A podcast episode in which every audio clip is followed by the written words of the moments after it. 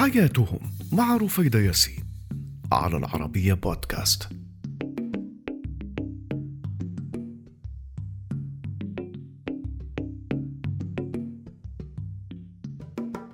مرحبا. أنا رفيدة ياسين وهذه هي حياتهم على العربية بودكاست. واليوم رحلة إلى القارة السمراء. أفريقيا عالم من السحر والجمال والعجائب وفيها أسرار وعادات وتقاليد غريبة ومختلفة وفيها الناس مجموعات لهم طابعهم الخاص وعاداتهم.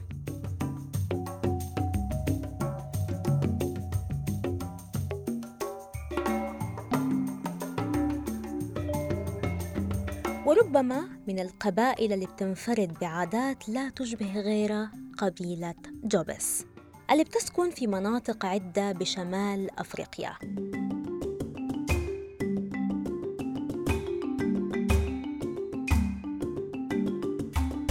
أغرب العادات وأكثر دهشة على الإطلاق في هذه القبيلة خاصة في طقوس الزواج.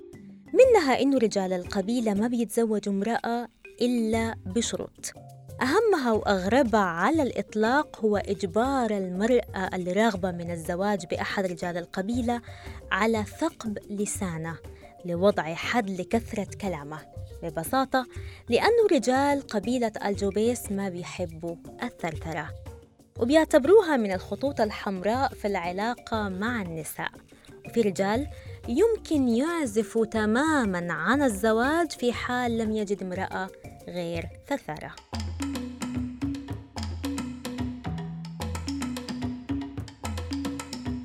أما النساء فمن لا تقبل بهذا الشرط منهن قد تصاب بالعنوسة وبتكون منبوذة مجتمعياً. السؤال اللي بيتبادر إلى الأذهان إنه كيف بيتم ثقب ألسنة النساء لإسكاتهم بيتم ربط المرأة أو بيوضع فيه حلقة مستديرة كخاتم الخطوبة مثلا اللي قدموا ليها العريس. وبيوضع في الحلقة خيط طويل بيمسك الزوج طرفه. فإذا ما ثرثرت أو أزعجت زوجة بيكفيه بشدة واحدة من الخيط إنه يضع حد لهذه الثرثرة. وبكده بتنتهي مشكلته تماما معها والأمر ده ما اختياري أبدا في القبيلة. هو طقس بتجبر عليه النساء في قبيلة جبس. في كلام كثير واختلاف حول أعداد أفراد قبيلة جبس لأنهم غير متداخلين مع محيطهم وما بيفضلوا أبدا الاحتكاك بالعالم الخارجي.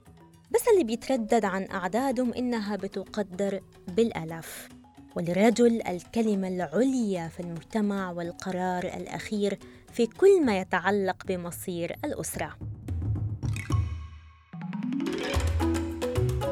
أما المرأة فبيقع على عاتقها مسؤولية الإنجاب وتربية الأطفال والقيام بمهام المنزل المختلفة دون السماح لها بالقيام بأي دور خارجي. بس بيقال إنه في نساء بدأنا التمرد على هذه العادات والتقاليد وفي حراك نسوي مطالب بحقوق المرأة هناك. وفي الغالب من تستطيع التمرد بتبحث لها عن مكان آخر للاستقرار والحياة. لأنه البدء في حياة جديدة بعيدا عن عالمها المغلق الذي لا يمكن السماح فيه بالبقاء لمثل هؤلاء النساء.